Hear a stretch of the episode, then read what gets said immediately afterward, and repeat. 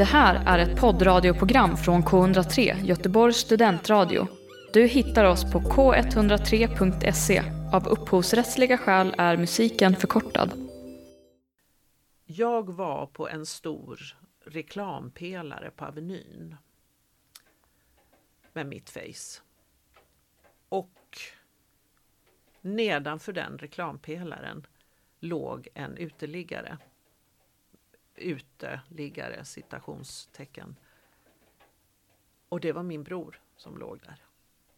Och det tyckte jag var en eh, ja, det var en bild av någonting som jag ville beskriva. För det finns inte en person som ens skulle kunna föreställa sig att den personen på den affischen är nära anhörig till den personen mm. som ligger där. Jättesmutsig och med ett stort, stort skägg som man knappt ser vad han är gjord av. Och för mig var det viktigt att också få ge plats för den historien. Ge plats för den berättelsen. Och ge plats både för mig och för honom, för min bror. Jag heter Henrik Berggren. Jag heter Håkan Hellström. Hej, det här är Timo Räisänen. Det här är Björn. Och Daniel, Ronny Flames. Du lyssnar på, på K103. K103. Göteborgs studentradio. Välkomna till andra säsongen av Äkta känner äkta. En podd om teater och film.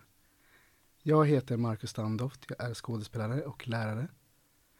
Under säsong två kommer ni tillsammans med mig få möjligheten att blicka in i olika kulturarbetares liv. Dagens gäst heter Karina M Johansson. Hej Karina! Hej Marcus! Välkommen till studion! Tack så mycket! Va, hur känns det här? Att sitta här med mig? Det känns bra. Mm. Mm. Vi pratade lite innan att du hade inte gjort någon podd innan. Nej. Det här blir premiär, poddpremiär. Det är poddpremiär men samtidigt har man gjort radio, tänker radio, jag du har gjort. så ja. har man ju det är ju att göra podd fast Mm. det heter annorlunda idag. Mm, Mm. mm, precis. precis. Vad, vad har du gjort idag? Vad har jag gjort idag? Jag har gjort eh, eh, gratulationskort till ett av mina barnbarn som fyller tre år på eh, första april. Ja. Och då hade jag ett annat barnbarn hemma som är fem år som ville göra eh, kort till honom. Mm. Så vi ska alltid pyssla och eh, ja, vi har vattenfärger och stämplar och stämplar eh, text och så och lär han sig att skriva samtidigt eller lär sig bokstäver. Mm. Och sen har han inte förstått det här med att lägga i ett kuvert, skriva adress, sätta på ett frimärke, lägga på brevlåda och hur det sen för så jobbar man ju inte idag. Så eh, vi gick och handlade, han fick handla frimärke och satte vi Ah. på det och sen gick vi till brevlådan och sen fick jag berätta hur man öppnar luckan där nere under brevlådan och Mm. säcken åker iväg och så vidare. Det var väldigt spännande. Det var ett Vil- stort ögonblick. Ja, jag förstår det. Ja. Förstår det. Så nu ska vi dit på kalas nästa vecka och då kommer han ju att se att Brevet finns där. våra kort har Mm. kommit fram. Mm. Vad fint. Det är väl i princip det jag har gjort. Och innan jag gick hit låg jag på soffan och Ja. tittade på ett nytt, en ny serie, Snöänglar. Mm, jag såg den också innan jag kom hit faktiskt. Jag Vad- såg första avsnittet, väldigt bra. Ja, du tyckte Mm. det? Mm. Mm. Svart, men bra. Ja, Mm. väldigt, väldigt mörk. Ja. Så ja, jag tyckte om den väldigt mycket också. Men jag hann se ett och ett halvt avsnitt innan jag kom hit. Mm. Jag hann bara in på introt på... Ja. Ja. Nej, men den, eh, jag har hört så mycket bra om den så att jag tror att den eh, kommer att bli bra. Jag brukar fråga mina gäster så här, har du hört något avsnitt innan?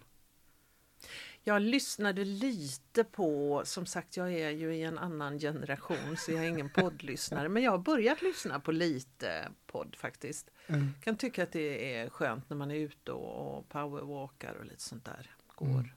Eh, eh, så jag lyssnar lite på Lisbeth. Okej. Det blev jag nyfiken på. Mm, mm. Eh, för ja, vi, vi ska köra tio snabba nu. Eh, Tio snabba. Ja, Ja, jag kommer nämligen inte ihåg någonting. nej men det är Av det avsnittet. Det är suveränt. så det är inte sådär så Nej. att jag liksom... Men det är bara bra för att då Ja. är du inte förberedd. Nej det är jag Helt inte. enkelt. Och det vill jag inte vara heller. Nej. Men vi, vi kör. Ja. K103. Fullständigt namn. Karina Margareta Johansson. Ålder? Eh, 61. Ja. Hur känns det att vara 61? Eh, vissa dagar jättejobbigt. Eh, och vissa dagar, eh, eh, jag är glad att eh, jag lever för varje ny födelsedag. Och sen finns det mycket annat som, man går ju närmre och närmre ett annat, ja, eh, närmre och närmre. Vi har ju mindre tid kvar att leva än vad jag har levt och det är jobbigt tycker jag. Mm.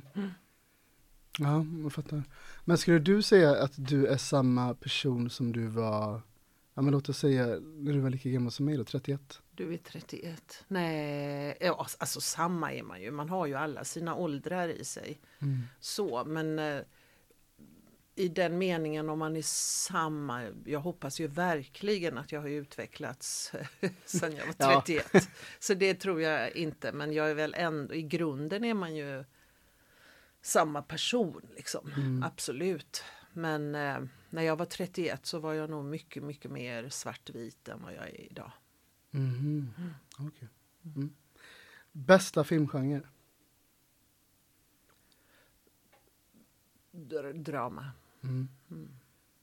Ja, jag kunde nästan tänka mig att du skulle svara det. Mm, alltså. Kan du säga en bra dramafilm? Åh jäklar, alltså vet du vad? Jag är, jag är så kass på namn och jag är så kass på att komma ihåg titlar. Och nu i den här tiden och pandemin som vi lever i, alltså mina ögon är ju nästan fyrkantiga. Jag har ju aldrig sett så mycket streamat och, och, och så som jag har gjort nu. Och grejen är att ibland så börjar jag, börjar vi titta på något och så säger jag till min man eh, vi har nog sett den här. Va? Alltså vi blandar ihop och, man, Ja. och jag, är, jag kommer nästan inte ihåg vad jag har vad jag har eh, sett. Men vad sjuttsingen, borde ju komma på någon bra. Men är du sån som kan se om film, filmer med meningen liksom? Om du tycker att en film är bra, kan du se den flera gånger? Nej, jag, är, nej, jag vet Nej. ju att människor har det där och ser om och också läser om böcker. Nej, jag är Mm. inte den personen som gör det. Nej. Jag kommer inte på någon film på rak arm nu. Nej, Tråkigt, men så är det. Jag kommer inte på någon. det är ingen fara. Nej. Det är ingen fara. Den här då ska jag säga, paradrätt. Som jag tycker om att äta. Som du tycker om att laga.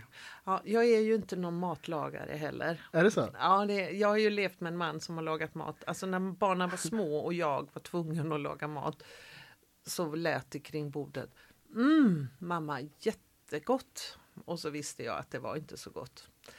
Så jag, eh, men alltså med därmed sagt så kan jag faktiskt få till det ganska bra. Men jag är en sån som måste gå på recept. Mm. Så ska jag göra något gott så jag hittar ofta ett recept och så gör jag det och så blir det jättegott. Så att jag har ingen paradrätt. Nej. Men okej, men något som du tycker om att äta då? Mm, Ja, alltså så är det ju också va? att jag älskar ju att äta. Jag älskar god mat. Mm. Eh, idag har jag ätit eh, sushi och dumplings, tycker jag är jättegott. Överhuvudtaget asiatisk mat är jag väldigt, väldigt förtjust i. Mm. Och ja, asiatisk mat. Mm. Mm. Mm. Ja, det, det tycker jag också faktiskt. Bästa resmål? Som du har Mm. varit på? Ja, just det. Jag har flera faktiskt. Nej, jag har aldrig kommit tillbaka dit, men jag, när jag var yng, när jag var, 20-årsåldern så var jag i Wien. Mhm. Och det var en stad som jag bara så här, wow, jag blev helt förälskad. Så dit vill jag åka tillbaka, jag har inte gjort det än. mm. Eh, Grekland älskar jag Mm. Mm. Hur ofta har du varit i Grekland? jätteofta. Ja, det är så. Ja, ja. Mm. På samma ställe eller olika? Nej, öar, olika, eller? Mycket öar och, och så. Mm. Och sist jag var där så var jag på fastlandet. Som var helt fantastiskt. Den här då? Hur skulle du beskriva din personlighet? Hur jag skulle beskriva min personlighet. Jag är faktiskt, och det tror jag inte någon tror, eller jag tror till och med att mina vänner skulle skratta när de hör det där, men jag är faktiskt ganska blyg. Jag är en ganska blyg person. Oj, det skulle jag verkligen inte tro. Nej, men det är jag. Jag tycker att det kan jag, det har jag kommit fram till att jag är. Jag är en ganska blyg person, fast jag döljer det väldigt bra. Men jag är ganska blyg. Jag är ju inte blyg inför stora folksamlingar eller eh, stora grupper. Men jag är väldigt blyg. Jag kan vara väldigt blyg och sitta så här som jag gör med dig nu. Mhm. Inte så att det blir jobbigt på något sätt. Men det, det är någonting med det där. Ja, jag kan bli blyg inför det. Mhm. Mm. Mm. Men det är ju då? inte hela jag. Nej. Sen tycker jag att jag eh, Jag kan vara väldigt bestämd. Eh, för snabb. Dra för snabbt i eh, olika trådar när jag borde. Jag borde reflektera och tänka efter före. Mm, Jag är snäll. Mm. Jag eh, Jag väljer att alltid försöka se glädje.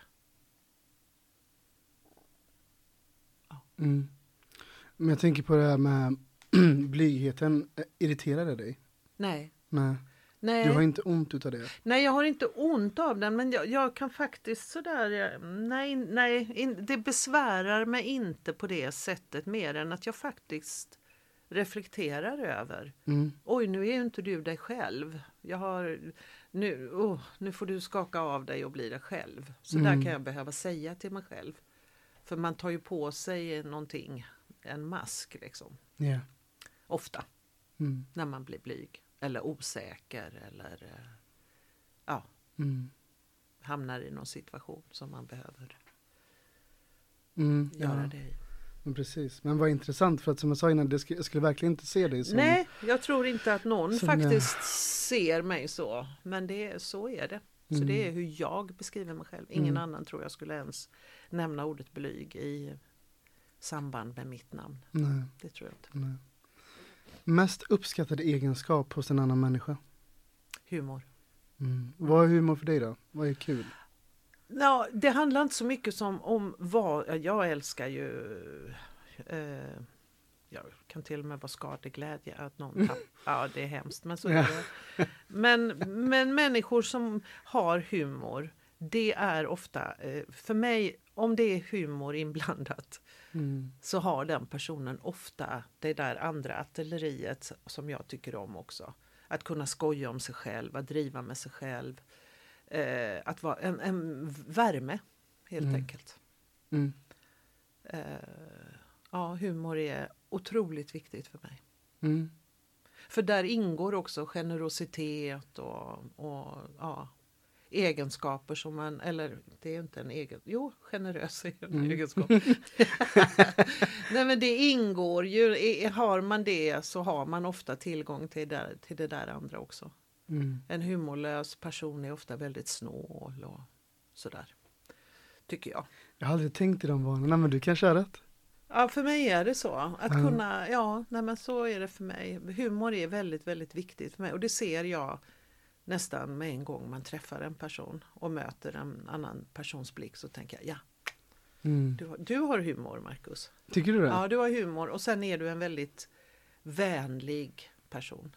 Det, är vad- liksom, vad det läser man Tack. av direkt liksom. Snälla ögon och Men det- nära till leende. Ja, nej till leende kan jag förstå, men det här med snälla ögon, det har jag aldrig fattat. Hur kan man se på ett par ögon ifall de är snälla? Ja, Men jag ser, man ser ju en, du vet själen. Den går ju ut i ögonen. Mm. Ja, jag har inte lärt mig det där, men Och den tycker jag, det tycker jag är så tydligt. ja. Stjärntecken, Eh, Vädur? beskriv en väder. Nej det kan jag inte. Nej, nej alltså jag är, jag är verkligen så här, åh, jag skulle bara säga positiva egenskaper, absolut inget negativt. Men jag vet ju att vi är bestämmande och massa sådana där och det, det, jag kan ingenting. Jag är Nej. ganska ointresserad Mm. av det. Men tror du på det? Nej, Nej, inte framöver. nej, Nej. nej det gör jag faktiskt inte. Nej, Vi går vidare. Ja, Vad hade du velat säga till ditt tioåriga jag? det ordnar sig. Trodde du inte det som tioåring? Uh, mm, ja, jo, det trodde jag. Men alltså. Mm, jag är uppvuxen med en mamma som alltid har sagt det. Hur jävligt livet än har sett ut så har hon alltid sagt det ordnar sig. Så det är lite mitt motto överlag i, i livet. Det ordnar sig. När det ser som jävligast ut så får man tänka att det ordnar sig. När det Har du som- gjort det då? Ja, Mm. det gör det på ett eller annat sätt. Eller annat alltså, sätt. livet kan ju vara kolsvart, verkligen. Mm. Men det ordnar sig. När det är som jävligast så är det svårt att tänka de orden, det ordnar sig. Men eh, Ja, det är omöjligt. det är omöjligt, men det är väldigt viktigt att komma ihåg att de finns. Och det är väldigt viktigt att det är någon som säger dem till dig då. Så jag använder väldigt ofta de orden till människor som inte mår bra eller ja, som är uppe i en, en kris av något slag. Eller. Mm. Ja, förstår. Den sista nu då. Ja. Vad vill du göra med resten av ditt liv? Ja. Jag vill ha roligt. Mm. Jag vill inte... Man, jag slösar bort mitt liv väldigt mycket tycker jag. Eller slösat bort har, man ju, har jag inte gjort. Men det är väldigt lätt att lägga eh, att lägga krut på det som inte är viktigt. Och det gör man väldigt, och jag gjorde det väldigt mycket när jag var yngre. Saker som inte betyder någonting i det långa loppet. Kan du ge något exempel? Ja, och varför eh, nu är det viktigt att jag är med här eller nu är det viktigt att jag syns här eller nu är det viktigt att jag Åh, varför var jag inte där eller eh, varför sa jag så eller ja, ja, typ. Att försöka slänga och säga till mig själv äsch. Sopa lite på axeln och säga äsch. Livet är för kort för att inte säga äsch. Så ja, försöka ha roligt och vara snäll mot mig själv. Tänker jag. För om jag är snäll mot mig själv så blir jag också snäll mot andra. Ja, jag tänker att det går hand i hand. Ja, det gör det. Absolut, vad fint. Det var... Mm. Ja, inte hört någon uttala sig riktigt så, men det var, det var fint tycker jag. Mhm. Ja. Mm. Du Carina, jag har gjort en sammanfattning om dig. Mm. Vill du höra den? Ja, gärna. Mm. spännande. Den är ganska lång här nu, så är det något som har blivit tokigt längs vägen så säg stopp, hindra Ja. mig. Ja. Mm. Eh, du är skådespelare. Mm. Utbildad via Teaterhögskolan i Göteborg. Mm. När tog du examen? Eh, Jag tog examen eh, bla, bla, bla, 89 va? Det är när jag föddes. Nej. Jo. Eh, Oj, ja, wow. 89 måste det ha varit. Ja. Mm. Mm. Var den tre eller fyra år då? Eh, Tre och ett halvt. Tre och ett Tre halvt. år på skolan, ett halvårs eh, Praktik. praktik. Ah, Okej. Mm. Ja. Eh, du har medverkat i flera tv och filmproduktioner som exempelvis Eva Adam, Gynekologen i Askim, Upp till kamp, Springfloden, Sune och Leva livet. Mm. I den uh, sistnämnda belönades du med en Guldbagge. Mm. Eh, du har arbetat på teatrar som Folkteatern, Angereds teater och tillhör den fasta ensemblen i, på Göteborgs stadsteater. Mm. Och där har du medverkat i, ja, men, jag var inne och läste, jättemånga föreställningar. Ja. Jag, jag har skrivit ner några här, som eh, Romeo och Julia, Bibeln, Alice i Underlandet, Det ensligas allé, Mm. Fanny och Alexander, Shirins vargar och sist men inte minst Alexandras odyssé. Mm, ja, precis. Det är ju där du och jag träffades Ja, det var det. Ja, och vi jobbade ihop den. Ja. Jag är jättemedveten nu att det är massor så här som jag inte har tagit med här nu. Mm. Såklart. Men finns det något sånt här projekt som ligger i så här varmt om hjärtat som jag inte tog med här nu? Mm, nej, det kan jag inte. um, Ja, det finns det säkert, men jag kan inte komma på något precis. Just. Vi, har ju, vi har ju spelat in en film som heter Tisdagsklubben precis. Den kan ju faktiskt uh, Jaha. vara med på Ja, filmer. Eh, den vet jag inte hur den blir, men eh, den var rolig. Den Mm. eh, var rolig att spela in. Men vad är tanken? För tanken är väl att den ska gå på bio eller? Ja, Ja. Men- premiär i februari. Ah, okej. För då får vi hoppas att man kan, Kan gå på bio ja. igen. Ja. Ja. Ja, jag vet några mer som är med i den filmen Mm. också. Va, vem får du säga det? Vem spelar du i Tisdagsklubben? Ja, oj, får jag säga. Den handlar ju om Marie Rickardsson gör huvudrollen. Ja. Och sen spelar Susie Eriksson och jag hennes väninnor. Mm. Och sen eh, eh, går vi en avancerad matlagningskurs i at- asiatisk matlagning som leds av en kock som heter, ja, som spelas av eh, Peter Stormare. Just det. Och han eh, och ja.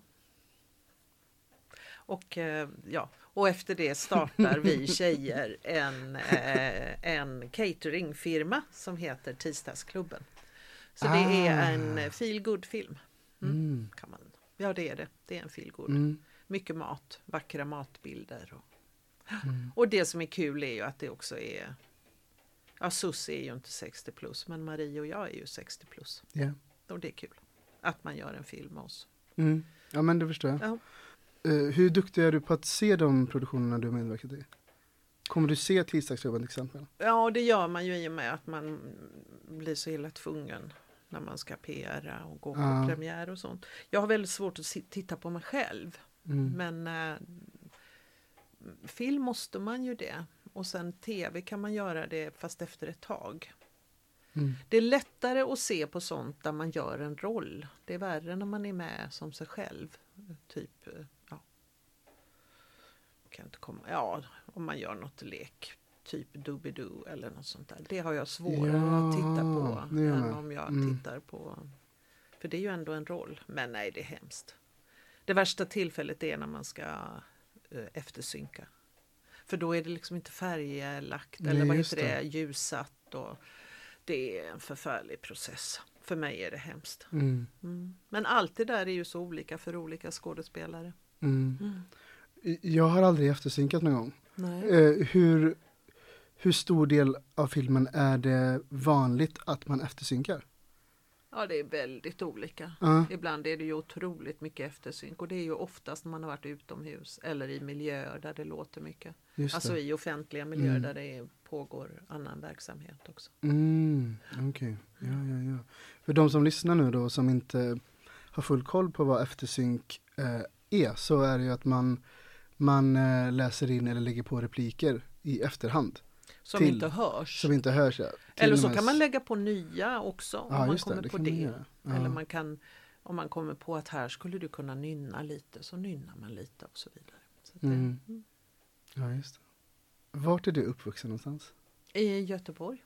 Är du uppvuxen här? Ja, det är jag. Eh, Ja. Jag föddes i, jag har bott i Malmö i många år. Det var liksom min hemstad under, ja från eh, 19 års ålder och tills jag kom in på C-skolan. Så nu flyttade jag tillbaka hit. Mhm. Men eh, ja, jag är född eh, i Majorna Mm. men är uppvuxen i Frölunda. Ah, okej. Mm. Ja, ja, ja. Var, var, var i Frölunda någonstans? Eh, ja, Dragspelsgatan heter den. Ja, ah, det säger inte mig något i. Ah. Vid Frölunda kyrka Mm. är jag uppvuxen ungefär. Ja. Där är min undulat begravd. Ah. Ja, ja, ja. Och där bodde min mamma, he, där eh, bodde hon ända fram tills för eh, ett år sedan när hon flyttade till hem. Mm. Mm. Hur var det att växa upp där? Det var bra. Ja. Mm. Jag gick som sagt på järnbrottsskolan och ja. Jag levde liksom ett an- jag levde liksom lite dubbelliv för jag hade så mycket kompisar utanför. Dels spelade jag handboll på ett annat ställe Mm. i Brunsbo, ett lag där. Och dels så spelade jag teater på ett annat ställe på Hisingen och dels så hade jag mycket äldre kompisar. Så att Mhm. min uppväxt, jag var lite rund så där jag var inte så mycket där på det sättet. Mm. Umgicks liksom inte, jag var i skolan och sen that's it i princip. Mm. Ja, jag fattar. Jag, fattar. Jag var ti- tidigt ute eh, och svängde mina, jag var discobrud. Och, Ah. Hur gammal var du första gången du gick på disco då? ja, det, Ska vi inte prata om kanske? men, men, Jag såg äldre ut än vad jag var på den tiden. Ah. Och sen så hade jag en mamma som gick med på, jag var väldigt, mina syskon hade flyttat hemifrån och jag var verkligen, jag hade otroligt mycket kläder. Butikkläder. Och mycket, Vad innebär det? ja, In, mamma brukade säga, ja det var in och ut i små källarlokaler man slog i huvudet. Det var sådana butiker. Jaha. Där lite ett plagg av varje, sämskinn, sin- skinnkjol och mycket platådojor. Och, Mhm. ja. Mm. Jag förstår. Mm. Men, men du Carina, hur hittade du teatern? Hur gammal var du då? Ja, jag hittade den väldigt, väldigt tidigt. Först så jag sjung, sjöng väldigt mycket Mm. i hopprep som alla andra barn. De flesta andra barn. Eh, Och var ganska övertygad om att jag skulle bli sångerska. Ehm, Min mamma spelade mycket revy när hon var ung så det fanns där, det fanns mycket sång och musik hemma. Och min, min ena bror eh, kom in väldigt tidigt på DI och blev regissör. Så att jag, jag tror att jag hade det sådär också med mig. Eh, väldigt, men inte så att jag på något sätt var, det han, var ju, han är ju 12 år äldre än jag. Mm. Ja men det, ja det, jag har aldrig kunnat tänka mig någonting annat faktiskt. Jag tror att jag var fem år när jag sa att jag ville bli svensktoppsångerska eller skådespelare. Oj. Mm. Mm. För sen sa du att du flyttade till Malmö. Ja, då fick jag jobb där. Eh, över tjoff sa det, så flyttade jag dit på en dag därför att det var en eh, sufflös som hade blivit sjuk. Ja. Så då hoppade jag in som henne och så jobbade jag där som sufflös och sen fick jag ta tjänstledigt som sufflös för de upptäckte att de kunde använda mig på scenen. Och sen fick jag fast anställning Mm. och sen höll jag på och sökte, sökte till scenskolan och sen till slut kom jag in och då var alla jätte, vad ska du på scenskolan att göra? Du har ju jobb. Men för mig var det så där, jag kan inte kalla mig för skådespelare om jag inte har gått Mm. scenskolan. Så var det förr. Liksom. Mm. Mm. Och mitt, ja, jag hade någon sån där, det var det jag ville, skulle jag skulle ha min utbildning. Men om vi backar bara lite, hur upptäckte de att de kunde använda dig på scen? Eh, ja, jag var faktiskt, Göran Stangertz hade en teaterkurs på teatern med en väldigt fin pedagog som heter Doreen Cannon som Mm. jag sen hade som pedagog på scenskolan. Och han satt med när hon hade klass och då frågade jag om jag fick vara med och så fick jag det och så ville jag inte att de skulle berätta att jag inte var utbildad utan jag, hon skulle, så att inte hon skulle särbehandla mig. Just det. Mm, utan Just att det. jag var ingick på teatern. Liksom. Mm. Eh, och sen använde han mig i några uppsättningar. Alltså absolut inga stora saker. Jag var så här avancerad statering. Mm. Och sen fick jag provspela för en roll eh, som KitKat-tjej i eh, Cabaret, Mm. eh, musikalen. Och fick det. Eh, så där spelade jag hur länge som helst med Marianne Mörk som Sally Bowles. Mm. Och under den kom jag också in på scenskolan. Okej. Så sen fick de byta ut mig för jag skulle börja där. Då. Ja. Och hur gammal var du när du började scenskolan? Ja, jag var rätt gammal. Jag var ju 25 då. Ja. Mm. Eller gammal. Hallå. Nej, men jag var 25 när jag kom in. Ja. Det är inte så gammalt. Nej, det är Men- det verkligen inte. Men då var det det. Det var en Mhm. helt annan åldersfixering på den tiden och det in, man prat, alltså man var tvungen att ha sin, när man sökte så visste alla hur gammal man var. Så är det ju inte nu till Nej. exempel. Man får ju inte ens prata på det sättet nu. Men då gjorde man det. Kan du beskriva dina tre och ett halvt år på scenskolan? Mm. Fantastiska år. Ja. Underbar miljö. Vi gick ju på den gamla skolan uppe vid Bö. Där gamla tv-huset låg, radio-tv-huset. Okej. Och där bodde vi i skuggan, eller bodde, där gick vi i skuggan av radio och tv. Så man åt lunch där också, på tv-huset. Mm. Och man gick ju nästan aldrig hem, bodde ju där. Man tittade på tv, man ju lagade mat, man åt ihop. Och... Mm. Jag tror inte man kan göra det på samma sätt idag i den stora fina byggnaden på Artisten. Det fanns någonting i de där gamla barackerna som var helt unikt. Mm. Och en gammal svart eh, blackbox som var fantastisk teater som man kunde ha behållit tycker jag. Och så hade vi ju hela naturen bakom där. Och, på somrarna, vi skulle ha silluncher och sånt. Så bo, gjorde man ju långbord ute på gården där under de Ja. japanska körsbärsträden. Och, Mm. ja, det var en härlig eh, tid och mycket fester. och Mm. mycket roligt. Och väldigt, eh, ja, sen hade vi ju pedagoger som var, och perioder som inte var så bra. Men det var ju en period när man verkligen fick pröva allting som man inte var bra på. Man bryter, ju- bryts Oh, ju wow. ner Mm. verkligen. För man, pratar, man gör ju inte det som man ja, kommer in på eller så, utan man ska ju alltid pröva det som inte är en väldigt, väldigt bra utbildning, Mm. tycker jag. Skulle du beskriva den som svår? Eh, svår i... Um, Det är svårt att komma in. Jättesvårt. Ja, I know. Eh, men jag tänker typ så här, just eh, kunskapsmässigt och vad, de, vad som krävs av en när man väl går där. U- Upplevde du det som svårt? Då har det vid något tillfälle bara, "Ja, shit jag kommer inte ta mig förbi det här momentet eller? Nej, Nej. nej, det upplever jag inte. Nej. Nej, nej, nej, och det, nej. Det tycker jag inte. Nu hade jag jobbat så himla mycket innan. Jag gick också Skara skolscen när jag var jätteung. Ah, Okej. Jag kom in där när jag var 15 så att det var liksom Jaha, oj. Ja. eh, Så jag, jag hade gjort så himla mycket som inte alltid var så bra.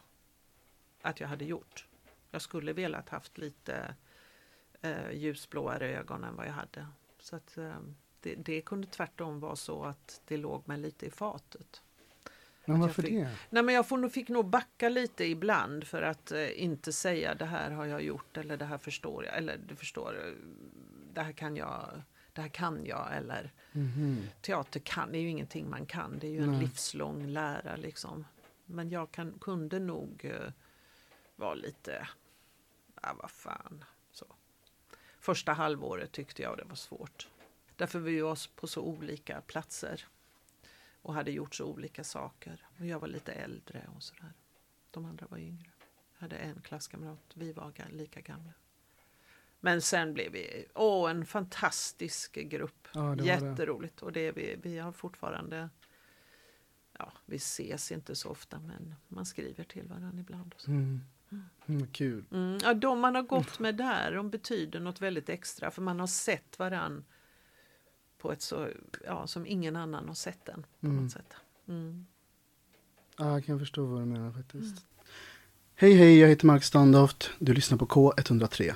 Vi ska Ja. prata om Det ensligas allé. Ja, Eh, och det här är en föreställning som spelades på Göteborgs stadsteater. mm, kommer tillbaka. Ja, det är sant? Ja. Jaha, oh wow. Ja, för att, för att jag har läst på den här och jag vet att du skrev, du regisserade och du stod på scen. Ja. Vad, vad mer kan du berätta om det här? Nu har du jättebra chans att promota den här. Ja, ja, nej, jag promota, ja det vet jag inte. Jag Nej, men tycker vad- inte om att promota. Men, eh, eller jag är dålig på det också. Men det är en föreställning som jag eh, ja, skrivit. För jag började, jag har en, eller hade en bror Mm. som var eh, missbrukare. I, mm, mm, först eh, narkotika och sen så eh, var han alkoholist. Och väldigt eh, ja, ut och in och hemlös ibland och jätteordnat ibland. Och världens eh, underbaraste människa och skitjobbig också. Och eh, jag blev väldigt eh, inspirerad av An eh, Susanna Alakoski. Eh, en bok som hon skrev och så skrev jag inte Svina längorna utan eh, Hoppas du mår bra i fängelset eller vad den hette. Eh, Så då tog jag kontakt med henne och så skulle mm, sen var hon här jättemycket och jag var uppe i Stockholm och vi, det var under Anna Takkanens eh, chefskap. Men vi fick inte till det riktigt. Det var någonting där och jag kanske också var så att jag inte var mogen för hela berättelsens... Eh, var,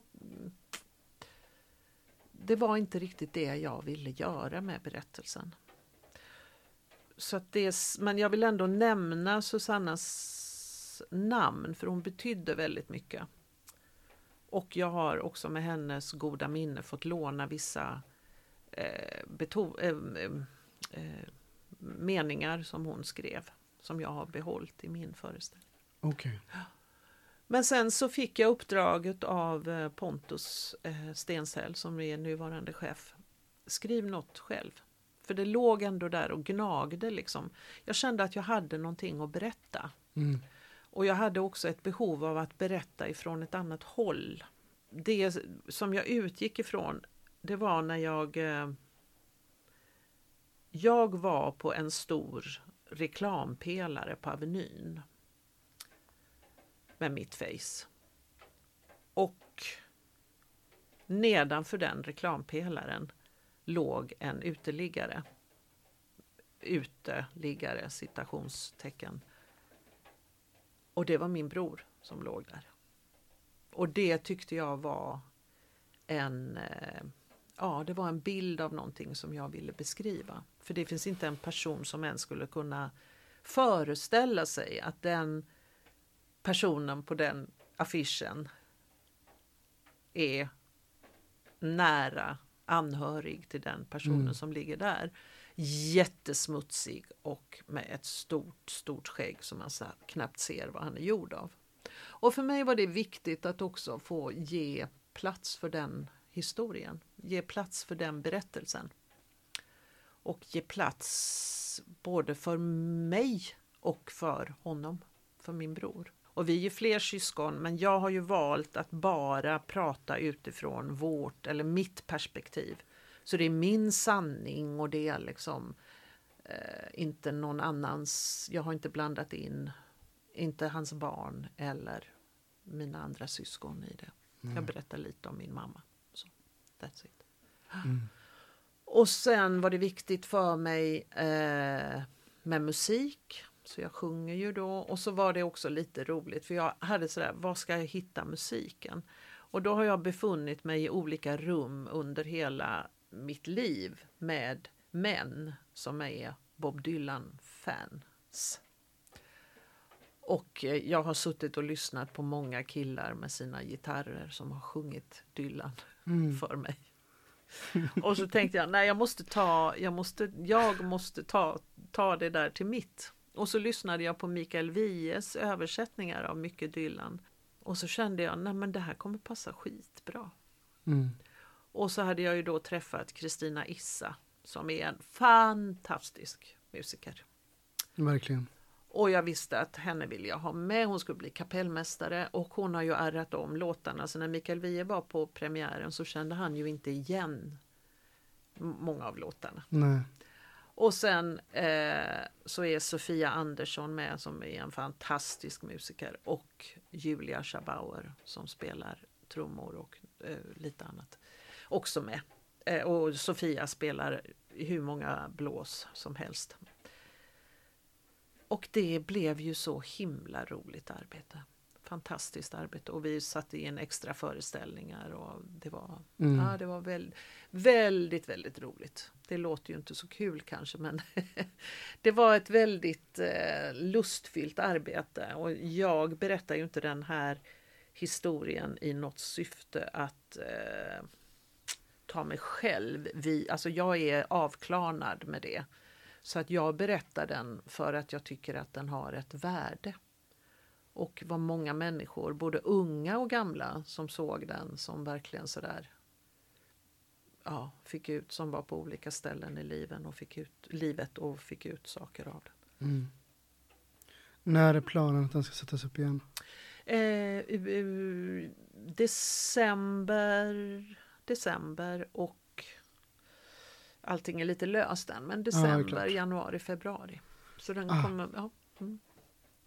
Och då, för, förra gången vi spelade var det ju utsålt så att man får nog ligga på man ska ha biljetter. Ja. Men den är väl, jag vet inte om det det här känns i juni. Mm. Ja, för att man outar inte förrän i maj tror jag. Nej. Så att det Nej. kanske inte ska Det är bra om det inte kommer förrän då. Vad glad jag blev för att jag missade ju den här första gången den Mm. spelades. Så den här gången ska jag absolut inte Mm. missa den. Mm. Det, den ser jag verkligen... jag tror att de flesta som såg den ja, ja, var nog väldigt, tyckte nog väldigt mycket om den. Vad minns du från föreställningen Alexandras Odyssé?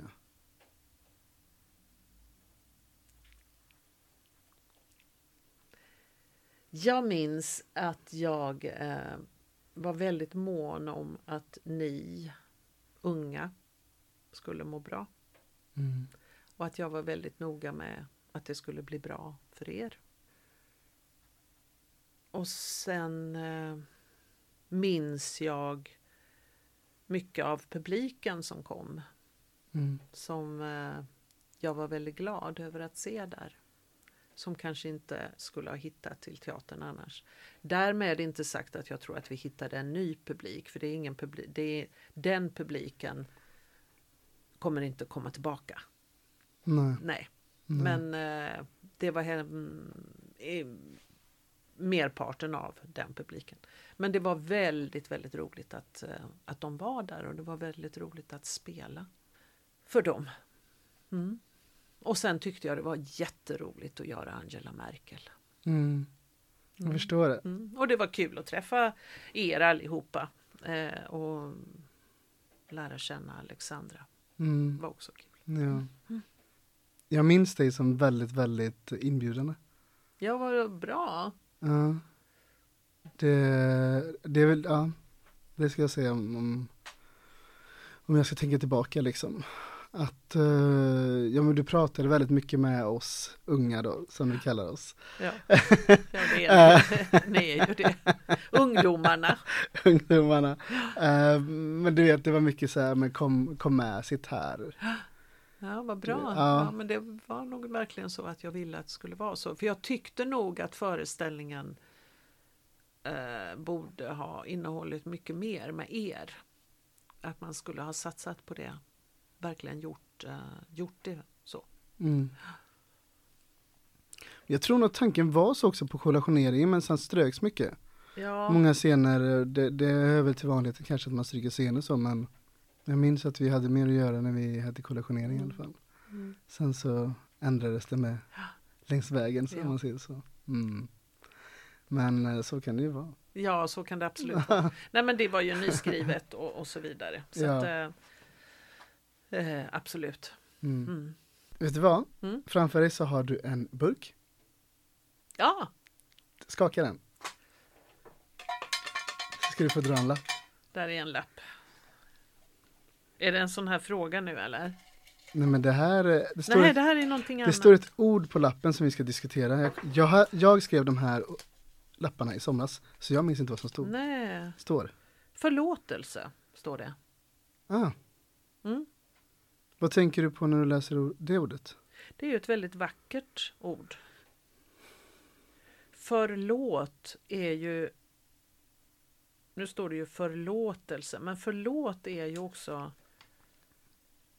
Om man läser det så är ju förlåt kan också vara förlåt. Mm. Mm. eh, någonting som man drar undan, någonting som man som uppenbarar sig. Och då tänker jag att förlåtelse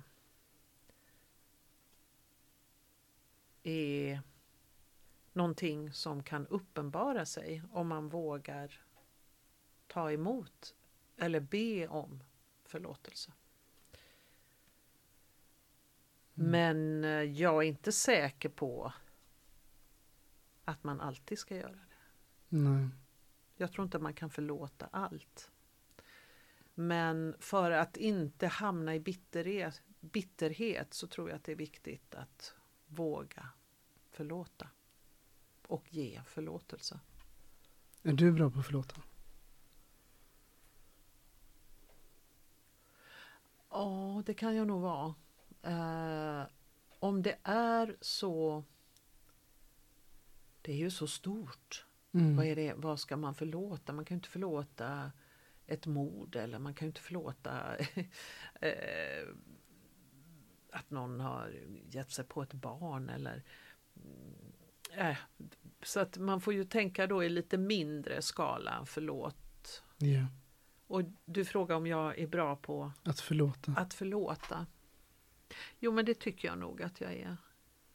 Men det måste vara, det måste vara, ett, det måste vara ömsesidigt. Att man förstår varann. Att man pratar med varann på ett sätt som gör att jo, men jag kan förlåta dig nu. Jag kan det. Mm. Men jag kan inte bara förlåta om någon säger ja men förlåt. Det var, det var inte meningen eller Det måste vara lite mer än så. Jag förstår det. Verkligen. Mm. Det, och det är som du säger, man kan inte förlåta allt heller. Nej, det kan man verkligen inte. Nej. Men jag tror ändå att det är viktigt i sitt liv att man förlåter. eh, Ja, jag tror att man kommer vidare på ett annat sätt om man förlåter. Men gud, alltså det där är ju svårt. Om någon skulle göra mina barn illa, eller barnbarn, jag skulle inte... Det är svårt att förlåta. Nej. Så det beror verkligen på vad det är, måste jag säga. Ja, verkligen. Verkligen. Du, jag har ju ställt en massa frågor till dig här nu. Mm. Här kommer en fråga, eller rätt sagt två frågor, Mhm, som inte är ställda av mig. mhm. Okej, hej, mystery guest. Om du fick välja ett av dina karaktärsdrag som ditt barn inte skulle ärva, vilket hade du då valt? Mm, spännande. Superspännande. Ha, din Mm. Okej, min. Okej. Eh, har du någonsin varit på exakt rätt plats vid rätt tidpunkt? Ja, det var två frågor. Oj. Uh, vad en egenskap som inte jag vill att mina... Ja... eh, jag kallas ju för... eh, I familjen kallas jag för katastrofcentralen. Är det sant? Ja, för att jag ser ofta katastrofer. Eh, Innan de händer? Nej, men jag ser dem, det handlar väldigt mycket om mina barn faktiskt. Och eh, att det skulle, nej inte, inte så att jag ser katastroferna men så här eh, ring där och, och hör av dig och jag vill inte att ni går där eller eh, gå inte den vägen där eller eh, ring hem och, och, och, så här. Nu är de ju vuxna. Mm. Men eh, till exempel så facetimar jag med ett barn, Hjalmar idag, som är tre år. Och under tiden så klättrade han på sin säng och på sin pappa och, och, och, och sådär. Och till slut var jag tvungen att säga, alltså jag kan inte titta på det här, det går inte. Ni måste ju, de är ju inte nervösa alls. Ja, ja, just det, vi glömde att det är katastrofcentralen vi pratar med. Eh, så, till exempel. Så det kanske jag skulle säga till mina barn. Nej, men eh, chilla lite med det. Fast det vet jag inte om det går. Det har ju med att man är så himla förälskad och kär i sina nära. Mm. Eh, och sen vad har jag sagt om mig själv där? Ja men att eh, de ska inte ärva att inte rusa åstad för snabbt. Tänka efter lite innan man eh, eh, innan man eh, innan de drar iväg. Mm. Tänk efter före du. Jag har blivit bättre men jag kan bli ännu bättre. Mm. Så det skulle jag säga. Tänk efter före. Mm. Fattar. Nästa då, har du någon gång varit vid, vid rätt plats vid rätt tillfälle? det hoppas jag ju. Ja, det får man verkligen hoppas. Ja, nej men jag kan ju tycka så här att jag har väl haft en himla tur och gjort jättemycket roliga saker i mitt arbete och har underbara barn och barnbarn nu. Och, så det får jag väl ändå säga. Jag vet inte riktigt vad det... Och att vara vid rätt plats vid rätt tidpunkt kan ju vara att få en roll. Det, Mm. Tänk så många som aldrig får en roll fast de är minst lika bra. Så att det, det kan jag nog tycka är, det är ju en jävla tur att få det liksom. Eh, det är ju det som är så roligt. Nu, kommer jag in på, nu pratar jag ju jobb igen men det är ju lite det som podden också handlar om. Eh, Absolut. för jag tänker på Tunna blå linjen som går, har gått nu på tv och, och man ska göra en säsong två. Mm. Det är ju fantastiskt. Det är så mycket skådespelare i den som man aldrig har sett förut. Mm. Det är helt otroligt. Äntligen får man se att det faktiskt finns.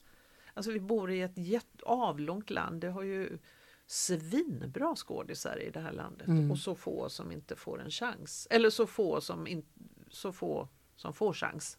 Mm. Man Ja. använder liksom samma och så. Så det, det, det tycker jag är väldigt, eh, det tycker jag är att vara på rätt plats vid rätt tidpunkt. Att, att ha fått chans till det, kanske. Mm. Det kan jag nog säga. Det kan ju också vara att man har undvikit saker. Ja. Åh, vilken, huh, vilken tur, jag var inte där. Ja, Eller jag var någon annanstans vid den tidpunkten. Ja, Så att, eh, ja nej, mer än så kan jag inte komma på just nu. Nej. Nej, jag förstår. Mm. Men har du kommit på en fråga till poddens nästa gäst? Mm. Låt höra. Eh, jag tyckte att det var rätt svårt Ja. att komma på så här. För man ska alltid vara, då blir det lite så här att man är smart liksom. Att man ska komma på något smart att fråga. Så, men jag hade tre frågor. Jag har Mhm. en fråga som ploppade upp som är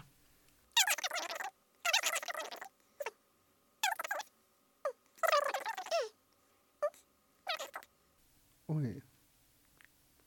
Ska jag få välja ut en av de här tre då? mm, kan du göra? Mm. Det kommer bli jättesvårt att välja. Ja, ja, att de var väldigt bra alla tre. ja, ja. De ja men det är ju filosofi men ändå Ja. tycker jag att det finns något konkret i dem. Det är ju verkligen liksom saker som man ofta tänker på. Du vet ju inte vad nästa gäst blir. Nej. Du får ju lyssna på nästa avsnittet efter ditt. Ja, För att se vad gästen svarar. vad, det hade ju varit, ja, det får jag inte reda på. Vem det är. Ja. Jag kan säga så här att du vet vem personen är. Ja, känner jag jag. personen? Ja, det skulle jag säga. Ja. En man, kvinna? Det är en man. Mhm. Mm. Mer än så säger jag inte. Ni har nej. jobbat ihop, så mycket kan jag säga. Ah, Så, okej. Mm. Men så det ska bli väldigt intressant Ja. att höra vad den här Vem man- var det som gav den här frågan till mig? Det här var, det var ett par, det var första gången jag hade två stycken som jag intervjuade i studion. Eh, Matilda och Oskar. Oskar, har du sett Vår tid nu? Ja, Ja. Oskar spelade då ehm, Maggans eh, vuxna son som blev polis Jaha. i säsong tre. ja okej. Mm. Så det var de som ställde, de var här förra söndagen. Ja, Mm. okej. Men eh, vi börjar bli klara här. Ja. Men hur ser det ut för dig i framtiden? Vet du någonting? Det är en riktigt oviss tid, men Ja, vi har ju stängt teatern nu så när den öppnar förhoppningsvis i september. Det går ju lite av, till exempel vi bröt ju i genrepsveck i re, premiär, jag kan inte ens, vad heter det nu? Nej men i premiärveckan skulle Mm. jag ju, vi skulle haft premiär på Beckets slutspel. Mm. Så den har vi premiär på. Förhoppningsvis i september. Och sen, eh, ja, så är det väl ensliga Salé och en annan pjäs där och lite så. så. Jag kom på att jag får ju inte prata mer om det. nej. Jag gör jag precis det som sägs på varenda möte. Ja, ja, men det, jag har inte sagt så mycket. Men som sagt, det här kommer komma ut i Ja, juni. Du ja har, och då maj kommer då- ju ja, allting. men exakt. det, ja, så det, Nej, men jag har inte sagt så mycket. nej, det Nej. tycker jag Nej, men det är det som är och sen ska jag spela lite i en tv-serie. Ah, vad kul. Får du säga något om det? Nej, det tror jag faktiskt inte. För jag har inte Nej. skrivit på det kontraktet ännu. Ah, okej. Men det är en ganska liten grej. Så det är, men tv-serien är rolig. Det är, eller rolig, ett bra manus. Mm. Jättebra manus. Finns det en tidigare säsong på tv-serien eller den är helt ny? Ja, helt ny. Spännande. Mm. Den börjar, den är ganska lång inspelning. Börjar i ehm, april, maj någon gång och håller på ända till oktober eller något sånt där. Så Oj, det blir långt. oj, är det här i Göteborg? eller? Åh, oh, vad kul. Eller ja, omnejd. Omnejd. Ah, Mm. all right. Mm. Eh, Carina, hur känns det här? Vi är Ja. klara nu. Ja, det Har du bra. överlevt? Ja, jag har inte så svårt för sånt här. Nej? Nej, jag tycker att det är ganska Jag tycker att det är ganska roligt att få frågor som man inte vet eh, vad det ska bli. Mm. Jag tycker det är lite spännande faktiskt. Det är som att spela kort. När man öppnar kortleken och så, så ser man sina kort. Det är Mm. lite samma sak för mig faktiskt. Den liknelsen kom jag på nu. Att det faktiskt är så. Det är faktiskt Ja. roligt tycker jag. Ja. Mm. Jag tycker vi har haft väldigt trevligt. Ja, det har vi. Jättetrevligt. Men det var som jag sa till dig innan att eh, det är verkligen olika det där. Vissa gäster ber om alla frågor innan. Du bad inte om någon. Du Nej. kastade dig ut ändå. Ja, Mm. det, jag kommer aldrig att göra det. Det, det är inte min. Jag tycker om att spela på volley. Mm. Det kanske ingår i det där att jag ska tänka efter före. Men då skulle det bli ännu jobbigare. Om jag hade fått de här svaren innan Mm. så hade det varit så här. Åh, nu måste jag tänka ut något Mm. riktigt bra. Nej, det hade inte blivit bra. Nej. Och jag vill också att det här ska vara som ett samtal, Ja. att det ska liksom vara mer naturligt, flytta på och men också så här som att ibland som, så visst, det bara, men, men jag, jag vet inte vad jag ska svara här. Nej. Det finns en charm i det också tycker jag. Mm. Mm. Men jag säger så här att du har lyssnat på ett avsnitt av Äkta känner äkta med mig, Marcus Standoft och Karina M Johansson. Carina, tack för din tid. Ja, men tack Tusen själv, tack Marcus. verkligen. Jag hoppas verkligen att du har haft det trevligt. Ja, men det har jag. Ja, Skittrevligt. vad glad jag blir. Eh, Och tack till er som har lyssnat och så hörs vi nästa gång helt enkelt. Ha det så bra. Hej då! Hej då!